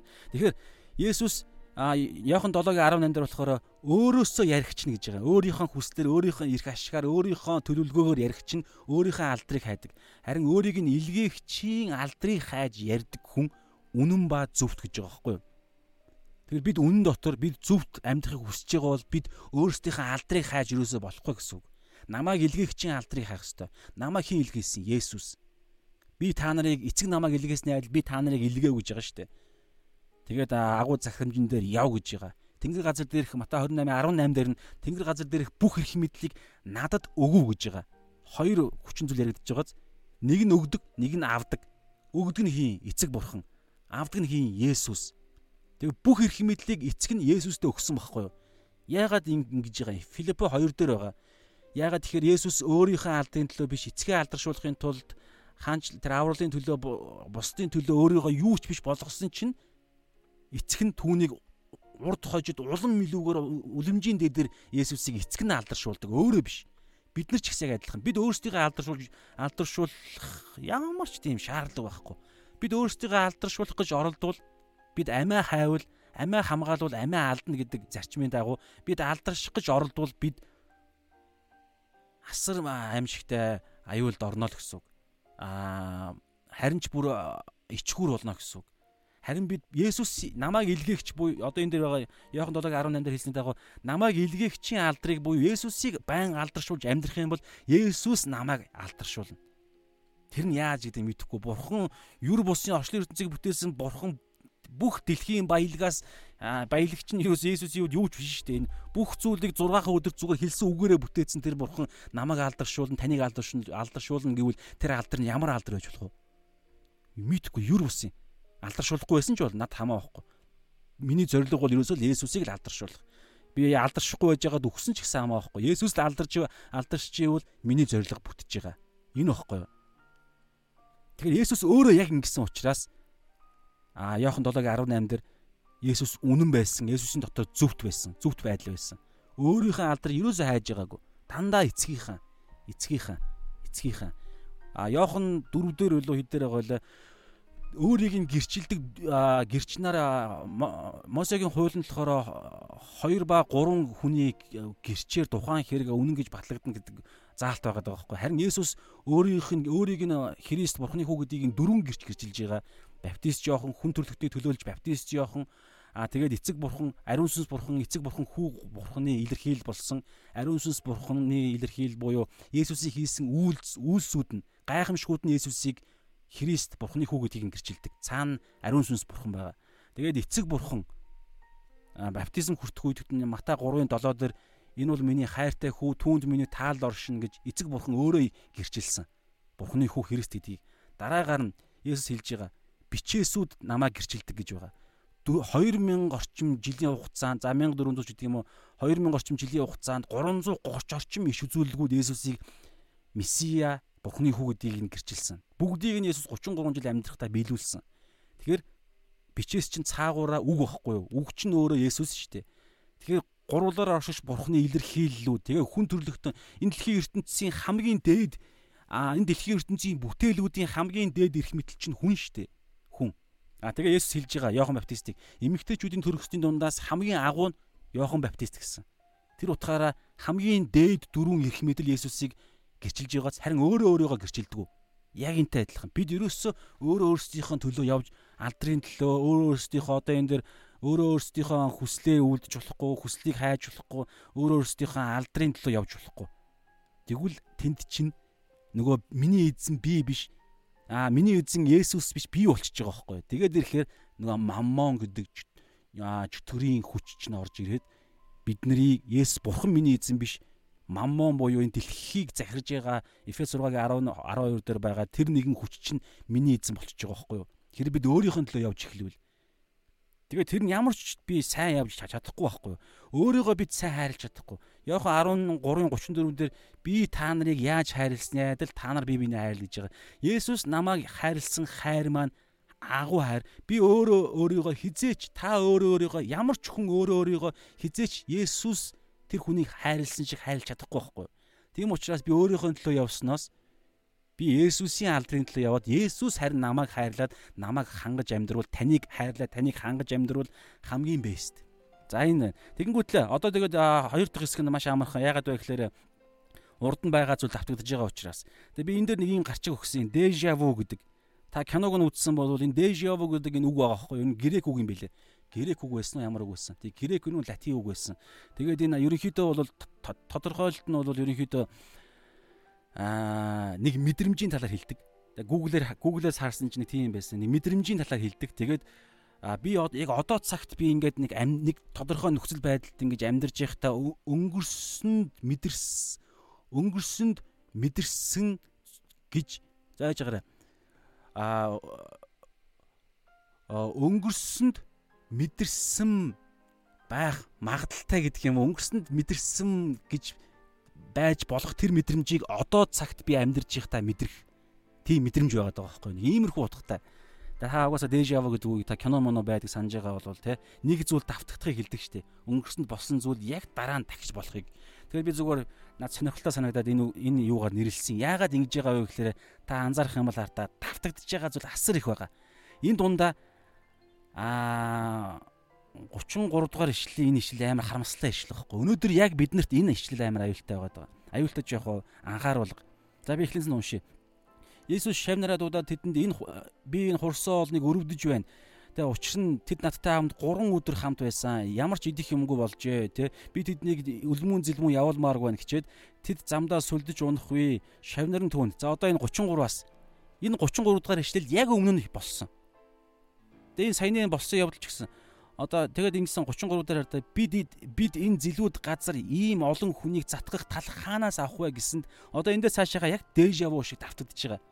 Хэдэн сарын өмнө болсон үйл явдал. Есүс та нар тэдэнд талах байна гэв. Тэд долоо бас хэдэн жижиг загас байна. А энэ долоогийн тоо бол 5 дол 2 загас урд нь байсан те. Энэ загас нь бол өөр. Гэхдээ энэ ерөнхий зарчим нь яг адилхан. Есүс хурсан олонд газар суугыг тушаагаад бас адилхан тушаасан та. Тэгээ 7 дал 2 загасыг авч талархал өргөсөн. Адилхан талархал өргөсөн бас. Тэгээ хуваасан Иесус шавнартаа өгсөн бас өмнө нь. Тэгээ хурсан олонд тарааж өгсөн. Бүгд идсэн, бүгд цадсан. Өвдөл цөвдлийг нь урд нь бас адилхан цуглуулсан. А өмнө нь болохоор 12 сакс байсан. Одоо 7 сакс байна. Тэгээ эмэгтэйчүүд хүүхдүүдээс гадна өмнө нь 5000 ирчүүд байсан бол одоо энд 4000 ирчүүд байна. Тэгээ хурсан олныг явуулсан. Аа тэгээ өмнө нь болохоор дараагаар нь Иесус тэднийг 10 оюулын зөвхөн 12-2-ыг завинд суулгаад явуулаад өөрөө уулан залбирахаар явсан. Тэгээд нуурын голд очоод шуургуулад дараа нь Есүс Бицайдагаас усан дээр алхаж очдөг. Өмнө тийм болсон. А энэ бол арай өөр үйл явдал. Яг энэ хоолдох үйл явдал яг адилхан болсон. Яг адилхан зэлүүд газар. Яг адилхан бүгд үлссэн байсан. Яг адилхан хэдэн мянган ирчүүд хүмүүс байсан. Яг адилхан өөрсдөд идэх юм байгаа, хооллох юм байгаагүй. Хаанаас бид хаанаас авах вэ гэж хэлсэн. Яг адилхан зүйл болоод исэн, болоод исэн, болоод исэн. Гэтэл хардаа 33 дээр нөгөө нэг усан дээр алхахыг үтсэн 572 загсаар 15-аас 20 мянган хүний хооллохыг хэдэн сарын өмнө харсан нөгөө дагалдагч нар чи энэ асуултыг яаж хэлж чадж байна гэдэг асуулт. Гэтэл бид нар яг адилхан. Энэ тардаа бид энэ зэлүүд газар ийм олон хүнийг затах тал хаанаас авах юм бэ? Боломжгүй шүү дээ. Юу? Хэдэн сарын өмнө одоо бүр одоо 5 талах байна. Өмнө бүр 2 2-оор баг 5 одоо 7 талах байна. Өмнө 2-оор баг буюу 5хан талах байсан. Одоо энэ хідэн жижиг загас гэж байгаа. Өмнө бас 2хан сардин загас байсан. Жижигхэн загас. Ягаад сардин гэж байгаа вэ гэхээр Галил нууран дээр сардин загас байсан гинэ. Талах нь болохоор 10 өмнө нь 10-ан талах байсан бүр. Ядуу нэг хүүхдээс авсан талах байсан. Тэгээ өмнө бүр 4000 биш үү 5000 ирчүүд байсан. Тэгээ үлдсэн өвдөл цөвлийн цуглуулахад өмнө 12 сагс дүүрсэн. Энийг тэд нар нүдэрээ гэрчилсэн шүү дээ. Тэгээд одоо би яагаад дээж яваа гэсэн бэхээр бид нар замдаа ингэдэг шүү дээ. Ингээд нэг амьдрал дээр ингээд нэг юм болохоор гинт нэг сонир мэдэн төрөл үнэр үнэрнээс болоод эсвэл ингээд нэг юм нэг үзэгдлээс болоод миний хэлсэн үгнээс болоод нэг хит хитэн үйл явдал араараасаа нэг давтагдж байгаа юм шиг мэдэн төрөөд байж байгаа яг энэ юм болсон доо урд нь гэдэг нэг боддог мэдрэм төрдөг штеп мэдрэмж өгөхгүй юм чинь. Дэж яваа гэдэг чинь. Тэднэрт ядаж энэ мэдрэм төрөөгүй юм бах та? Амар сонирм баггүй бид нар яг адилхан яг адилхан арда өмнө нь яг адилхан галил нуурын тэр ирэг дээр очсон. А жоохон зайтай тэр хойно тэр юу лээ тэр нэг өөр газар байсан. Тэгвэл адилхан л Галил нуурын ирэг дээр гол гаталлаа, буулаа хүмүүстээр нэг үйлчилсэн. Өмнө нь өдөржингөө Энд ч гэсэн бас гол адилхан бас өмнө нь яасан бэ гэхээр өвчи идгээсэн бас баахан өвчи идгээд. Энд ч гэсэн адилхан өвчи идгээдэг дараагаар нь үлссэн талах ярьсан эзэн ярьсан араас нь тэгээд ингээд эзэн залбирсан талхын хуваасан идж байгаа харсан цадж байгаа мэдэм төрүүлсэн цуглуулсан юу энэ ч өмнө болоогүй лөө. Мэдгүй ийм мэдэм төрөө тэд нар ядаж ийм мэдрэмж мэдрээд энэ үгийг хэлж болохгүй байсан юм байх та тий ардаа. Бид энэ зэл бид энэ зэлүүд газар тий Есүс Есүсийн хэлсэн үг нь бол ондоо байгаад байгаа шүү сонирхолтой. Гэтэл тэдний хэлсэн үг нь адилханаас болоод араас нь Иесус яг адилхан юма давтдаг. Давтаа давтаа давтаа. Бид энэ зэлүүд газар ийм олон хүмүүсүүдийг хооллох, далах, цадгах, талхах хаанаас судалж авах вэ? Байж та. Бис юу хэлчихв? Өмнө яг ингэж ийм болсон доо. Өө тийш тэ эдэн сарын өмнө ингээл ингээд санаалт. Өө эзэн минь ээ та дахиад махаад гэх юм байхгүй. Яагаад? Энэ тардаа хоёр дахь өнөөдрийн сурах гэдэг хоёр дахь байхгүй. Тэрний юу гэхээр үргэлж бид үнэн дотор явахгүй болвол худал хуурмагч өөрөө мансууруулдаг. Ман манантуулдаг. Вирус түлдэг аахгүй юу? Дэлхий энэ дэлхий чи өөрөө тийм дэлхий. За Йохан 20 Йохан 20 31 дээр бол ерөнхийдөө Есүсийг хийсэн бүх хийсэн гайхамшгуудын зорилгыг нь Йохан 20 31 дээр ингэсэн. За 30-тай намд энэ энэ хүн номын зорилго гэдээ Йохан ингэж хэлсэн. Мөн энэ номд бичээгүй өөр олон тэмдгийг Есүс шавнарынхаа өмнө үйлдсэн юм. Харин эдгээр нь Есүс бол Христ нэгдүгээр. Хоёрдугаар Бурхны хүү мөн гэдэгт та нарыг итгүүлэхийн бид нарыг итгүүлэхийн тулд бичигдсэн бөгөөд итгэснээрээ та нар түүний нэрээр мөн хамтаа болох юм аа. Энэ бүх гайхамшгууд чинь биднэрт итгэл өгөх зорилготой. Яг энд адилхан хэдэн сарын өмнө тэр гайхамшиг үйлцсэн. Сайн мэдээний дөрвөн ном дөрүүлээ тэмдэглэсэн цорын ганц гайхамшиг байдаг нь энэ 572 загсаар 50000 хүнийг 15 50000 ирчүүдийг хоолсон үйл явдал гэхгүй. Ийм онцгой үйл явдлыг тэд нар хэдэн сарын өмнө мэдэрсэн мөртлөө одоо энд мартцсан. Тэгэхээр тэр гайхамшигаар тэднэрт өгсөн итгэл нь би болоог байсан гэсэн үг байхгүй юу? Одоо та маргааш бишээ нөгөөдрийн нөгөөдөр байна уу 16 дугаар бүлэг эхлэхээр тэд нар бас мангарт нэг мангар юм ярьдаг. Есүс тэгээ дахиад эдрийг зэмлдэг. Яагаад энэ дэлхий харж гинөө? Ийм байхгүй юу? Есүсийн хийсэн бодиттой энэ Библи чи өөрөө түүхэн бичээс нүдэн гэрч нараа бичсэн баримт энэ бөө юм болж энэ Библи чи энэ бидний гар дээр ирж байгаа асар их янз бүрийн тулаан тэмцэл бөө юм дунд бөөн шалгуур стандарт дам дамнаж ирж байгаа. Нэгдүгээр Библи дээр нь тодорхой юм Библийн баримтууд байна гайхамшиг. Хоёрдугаар бидний амьдралд эзэн асар олоодаа гуйлтанд маань хариулж гайхамшиг үйлддэг. А заавал супер натурал энэ юр бусын гайхамшиг байх албагүй бодиттой гайхамшигуд үйлддэг Есүс. Миний яг боломжгүй миний хувьд яг боломжгүй аргаа ядсан авраараа гэдэг үед эзэн намайг хангалттай аварж исэн. Тэгээд тэгэл болоо юм уу? Тэгээд одоо юу гэдэг тэр нэг тэр нөгөө нэг энэ дэлхийн Есүс Йохан дөрөвдөр хэлдэг чинь самар эмэгтэд энэ уснаас уугч нь үргэлж цангана гэдэг шиг бид зүгээр нэг нэг ус уугаал тэгээд нэг хэсэг хугацаанд тэр ус нь биднийг цангахгүй байлгаж байгаа дахиад цангадаг дахиад ус байхгүй нь ус байхгүй нь Йох Израильчуудын цөлд нөгөө нэг 10 удаа бурхныг сорьсон шиг бид ингээл өдөр болгон сорж амьдрах юм. Уг нь бол энэ Йохан 20 30-аас 31 дээр хэлсний дагуу өмнө үлд өгсөн тэр гайхамшгууд тэд нар чинь бүгд бид нарыг итгэлийг барьж байгуулах зорилготой байсан байхгүй. Тэгээ итгэл нь барьж байгуулахдаггүй болохоор одоо яг энэ энэ дагалдагч нар шиг хэдэн сарын өмнө ч юм уу мэдхгүй хугацааг нь мэдэхгүй байна. Юр бусын үйлдэлсэн гайхамшигыг мартчихсан хардаа энэ олон хүмүүсүүдийг зилүүд газар яагалж хооллох юм бэ? Талхыг хаанаас авах юм бэ гэж мангартаа ярьж исэн байгаа зү. Өнөөдөр бид нар яг адилхан ингэж мангартдаг байхгүй юу? Зөндөө олон удаа бидний гуйлтанд хариулж исэн. Тэр нь өвчин идгэж исэн байж болно. А бидний хоолж исэн байж болно. Тэгсэн чинь хэдэн сарын дараа ч юм уу хэдэн өдрийн дараа дахиад үлсэхгүй дахиад сорилтонд ортог. Дахиад санаан зовдөг. Яагаад вэ? энэ энэ гайхамшгууд чинь итгэлийг бий болгох зорилготой гэж түрүү хэлсэн шүү дээ.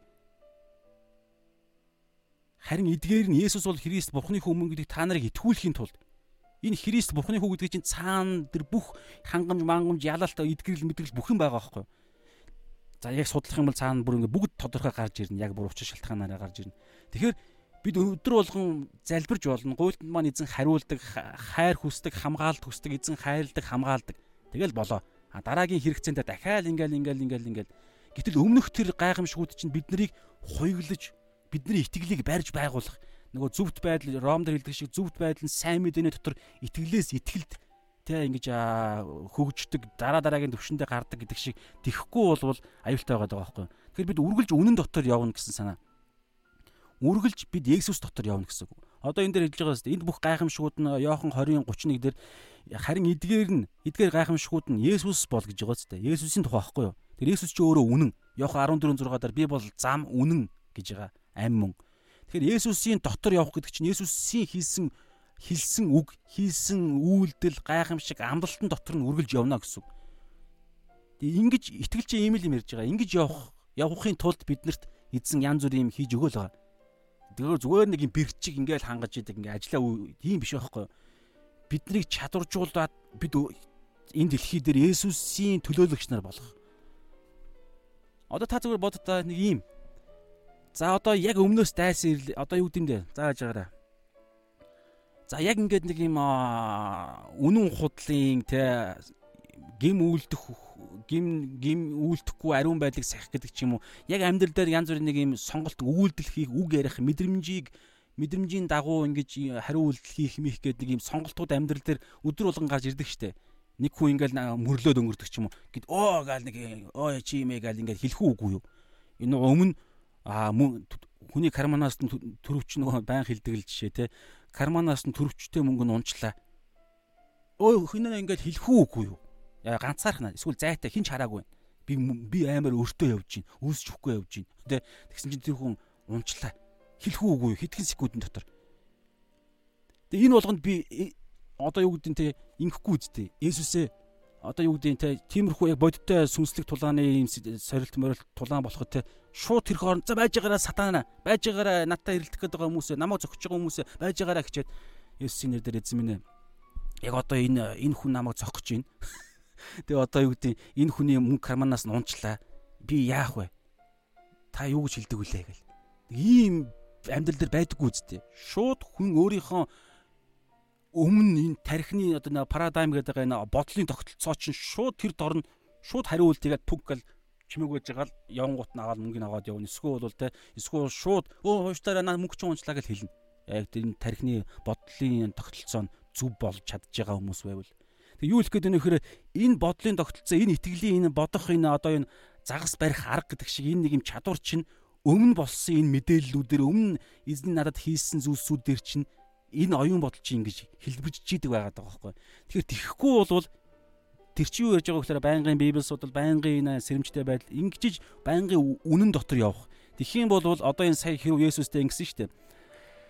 Аа би өрөвдөж байна. Замдаа сулдж унах тий би тэднийг үлэн зэлмүү явуулмааргүй байна. Тэд замдаа сулдж унах үе гэхэд би юу юу юу нэ юу бол харин тийм ээ зэн.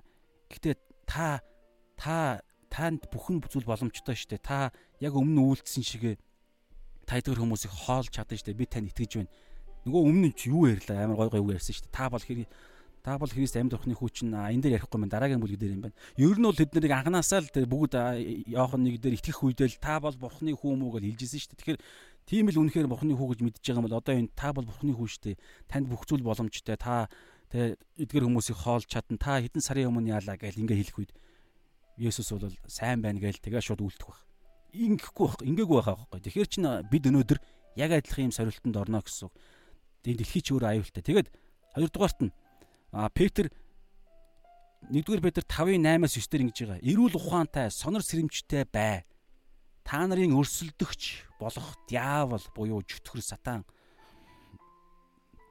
хин нэг нэг залгихаар хайж буй архирах харслан мэт гитэн явдаг. Залгихаар гитэн явдаг архирах харслан.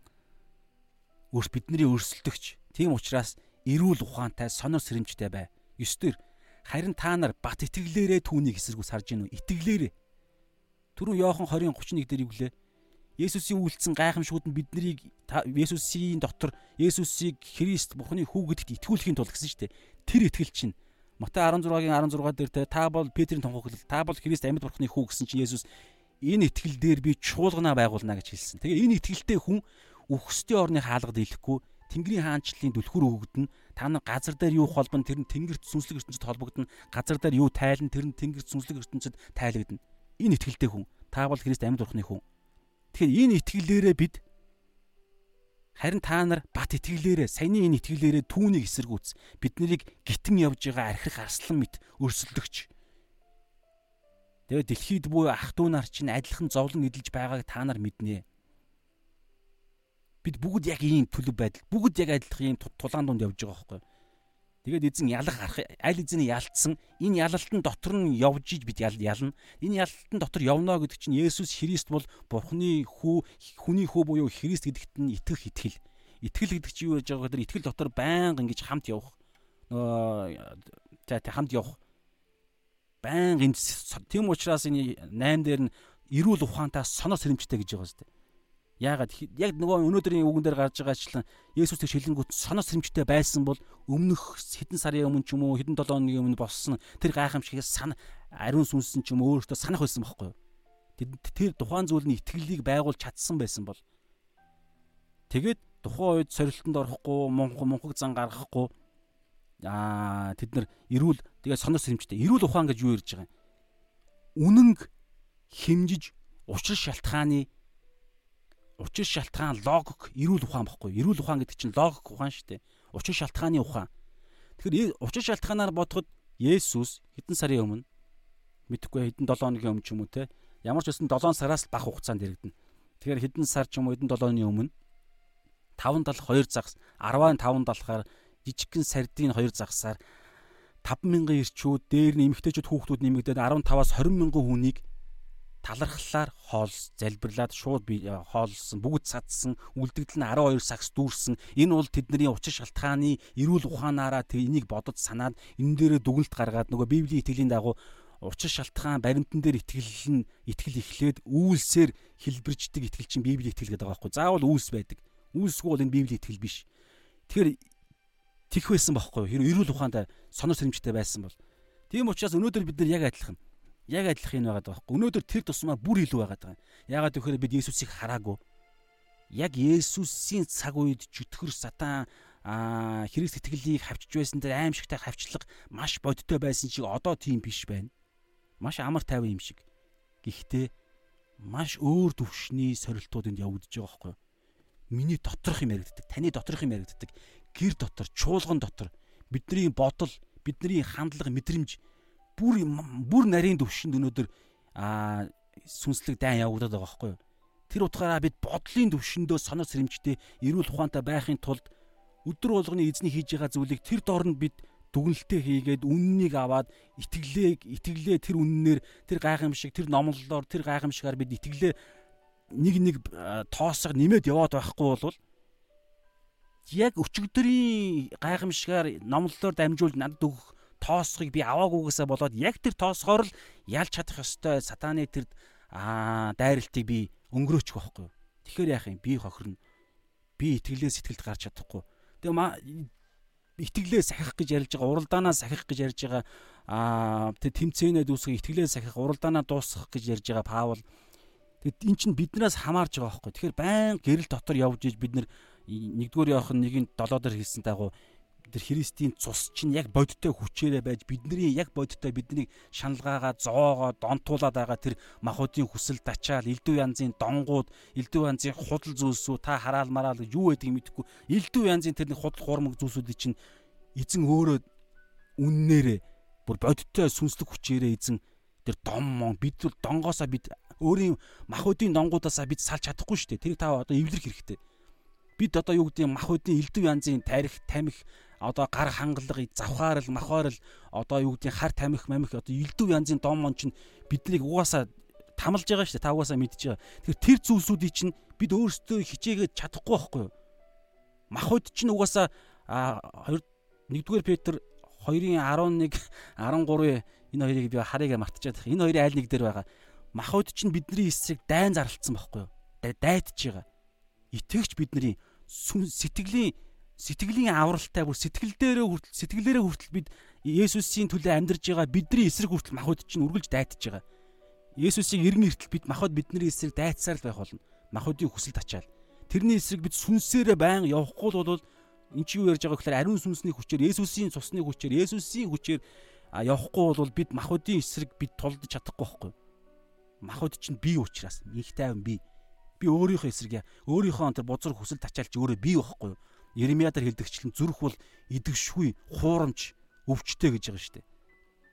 Тэгэхээр сүнсээрэл явахгүй бол шин дүр төрхөөр л явахгүй бол хуучин дүр төрхөө бид а өөрийн хүчээрээ буюу махбодийн хүчээрээ элдв янзын ингээд чадахгүй. Тийм учраас эртхэн шиг бууж өгөөд бид үнэхээр метр аюул ирж байгаа тод тэр дороо шууд залбираа шууд зүхтаагаад шууд хүлэн зөвшөөрөд эзэн минь авраарай гэдэг тэгээд тэр үед эзэн ажлаа хийхэд нь бид алхам алхамаар бид өөрийгөө тавьж өгнө шүү дээ тий. Иймэрхүү юм ярьж байгаа. Тэгэхээр өнөөдрийн хэсгээд дамжуулан хоёр ийм хоёр зүмөрөө нэг зүйлийг ойлгоё тий. Нэгдүгээр саяны ярьсан тий.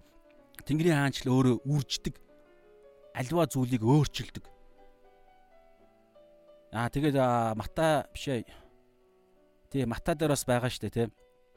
Би энэ газар дэлхий дээр амар тайвныг биш, илд инх тайвныг биш, илдийг авчрахаар ирсэн гэж байгаа, тий. Тэрийг өмнөх та Йохан чимээгөө цагаар би бас үзэж байхад хуваалцж байхад энэ бас ярьсан, тий. Тэр нь юу вэ гэхээр энэ дэлхий дээр хүртэл өөрчлөлтийг авчирна. Сатаны хаанчлал, сатаны энэ дэлхийд хүртэл өөрчлөлт ирэх ёстой байхгүй юу? уулан дээр хот нуугдж чадахгүй учраас бид гэрэл учраас гэрэл дотроо байж чадвал гэрэл гэрэлт гэрлийн хөвгүүдээрээ гэрэл дотроо алхаж чадвал энэ дэлхийн ертөнц харанхуй ертөнц угаасаа өөрчлөгдөхөөсөр аргагүй байхгүй юу? Тийм учраас хаанчлалт чи өөрт нь үрждэг мөн чанар байгаа, өөрчилдөг мөн чанар байгаа, гэрэлтдэг мөн чанар байгаа. Тэг гэрэлтнэ гэдэг чинь альва зүйлийг илчлэх мөн чанар байгаа. Асар олон юм байгаа. Хоёрдугаарт өнөөдрийн хоёр дахь хэсэг нь юу вэ гэхээр бид үргэлж сэрэмжтэй байдал эрүүл ухаан дотор Есүс сэрэмжтэй байдал эрүүл ухаанаараа Есүсийн дотор буюу үнэн дотор Библийн үгэн дотор байн явж үргэлж тэр ойлгож ухаарсан зүйлээрээ бид итгэлээ дараа дараагийн тэр ингэж барьж байгуулж байхгүй болвол 1-р Петр 5-ын 8 дээр хэлсэнчлэн бидний өрсөлдөгч болоход яавал тэ а бид нарыг залхихаар та нарын өрсөлдөгч болоход яавал хин нэг нэг бидний залхихаар хайж явна гэж штэ хайж буй архирах арслан мэт гитэн явдаг аа. Тийм учраас ёстор харин та нар бат итгэлээрээ буюу та бол Христ амьд бурхны хүү гэдгийн цаана юу байдгийг та олж мэдээрэй. Аа бат итгэлээрээ түүнийг эсэргүүц гэж байгаа байхгүй эсэргүүц биднэрт үүргэн байгаа. Бид эсэргүүцэх ёстой эсэргүүцэн. Гэтэ итгэлээрээ эсэргүүцэн. Тэр итгэл чинь болохоор бидний одоо ерөнхийдөө юу байхгүй бид бол зүгээр суу гэсэн.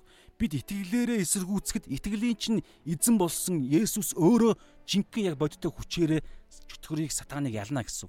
А бид сатаныг бол ялж чадахгүй. Гэхдээ бидний гол үүрэг бол ерөнхийдөө их бууны амсрыг чиглүүлээд тавьчихна гэсэн. Чиглүүлэх л үүрэгтэй. Итгэлээрээ эсэргүүцэх үүрэгтэй. А итгэлийн чинь эзэн болсон Есүс ариун сүнсээрээ дамжуулан яг бодиттой сүнслэг ертөнцид ялалтай байгуулж тухайн зүйлийг ялна. Тэгвэл дараа нь дахиад дайралт байгаа шүү дээ. Тийм учраас сонор сэрэмжтэй эрүүл ухаантай гэдэг юм ярьдаг. За тэг өнөөдрийн цаг бол ерөнхийдөө энэ байлаа. Тэгээ бүгдээр хамтдаа залбираад өндөрлөө те. Эзэн минь энэ цагийн төлөө талархыг тэгээ өнөөдрийн цагаар дамжуулан та биднэрт Тэнгэрийн хаанчлалын а бусдад гэрчилдэг, бусдад тунхагладаг, өөр гэрэлтдэг та зүйлийг тэр Матай 8 дугаар бүлгийн 28-аас 34 дээр гарсан тэр чөтгөр шүүгссэн хүн хэрхэн декабол мужийг тэр аяар нь а Есүс рүү чиглүүлж дараагаар нь хэдэн сарын дараа Есүс дахиж ирэх үед бүгд бүр хэдэн мянга 10 гаруй мянган хүмүүсүүд Есүс дээр ирсэн хөөж үйсэн ард түмэн Есүс дээр аврал ирэн ирсэн. Энэ өөрчлөлт тэр нэг хүний сайн мэдээний өөрчлөлтөөр сайн мэдээ тэр хүн Есүс ийм хүчээр Есүсийн хүчээр ийм хүү ивэл өрөөгдсөн гэдгээ бусдад дамжуулах дамжуулснаар. Тийм учраас эзэн минь бид нар өнөөдөр ивэл өрөөл авдаг, бидэнд эзэн бид нарыг хангадаг, эзэн биднэрт гутал авч өгдөг, эзэн биднэрт утас авч өгдөг, эзэн бидний ханиадыг эдгээдэг, эзэн биднэрт хоололдог. Тэр болгоныг эзэн минь бид боломжтой үедээ эзэнний хүчээр Есүс намайг хооллоо, Есүс нам надад туслалаа, Есүс инглээ гэдэг энэ зүйлсүүдийг байнга ярьснараа бид гэрэл гэрэлтэх болно эзэн минь. Тэгээд альва бидний сайн үйлсийг хараад ямар мундаг залуу вэ гэх үед Есүсийнхаа хүчээр л ингэж явна да гэж хэлдэг. Есүс рүү үргэлж алдрыг өгдөг. Энэ зүйл эзэн минь ээ үнэхээр аа бидний зориг үлээ. Хоёрдугаарт эзэн үнэхээр үргэлж сонор сэрэмжтэй байхгүй бол биднийг бидний өрсөлдөгч болох диавол архирах арслан мэт биднийг залгахаар гитэн явж байгаа гэдгийг та энэ үннийг та бурхан учраас энэ мэдсэн учраас биднэрт хэлж байна аава. Тийм учраас итгэлээрээ бид явах энэ эсэргүүцэх Энэ үүргээ бид бас өнөөдөр дахин саналаа эзэн. Тийм учраас эзэн ямар ихтгэлтэй байх ёстой вэ гэдэг үннийг ойлгож ухаарахын тулд өнөөдөр бид нэг зүйлийг харсан нь эзэн бид нарыг хангадаг. Эзэн бүх зүйл боломжтой. Эзэн бид нарыг өрөвдөж хайрладаг.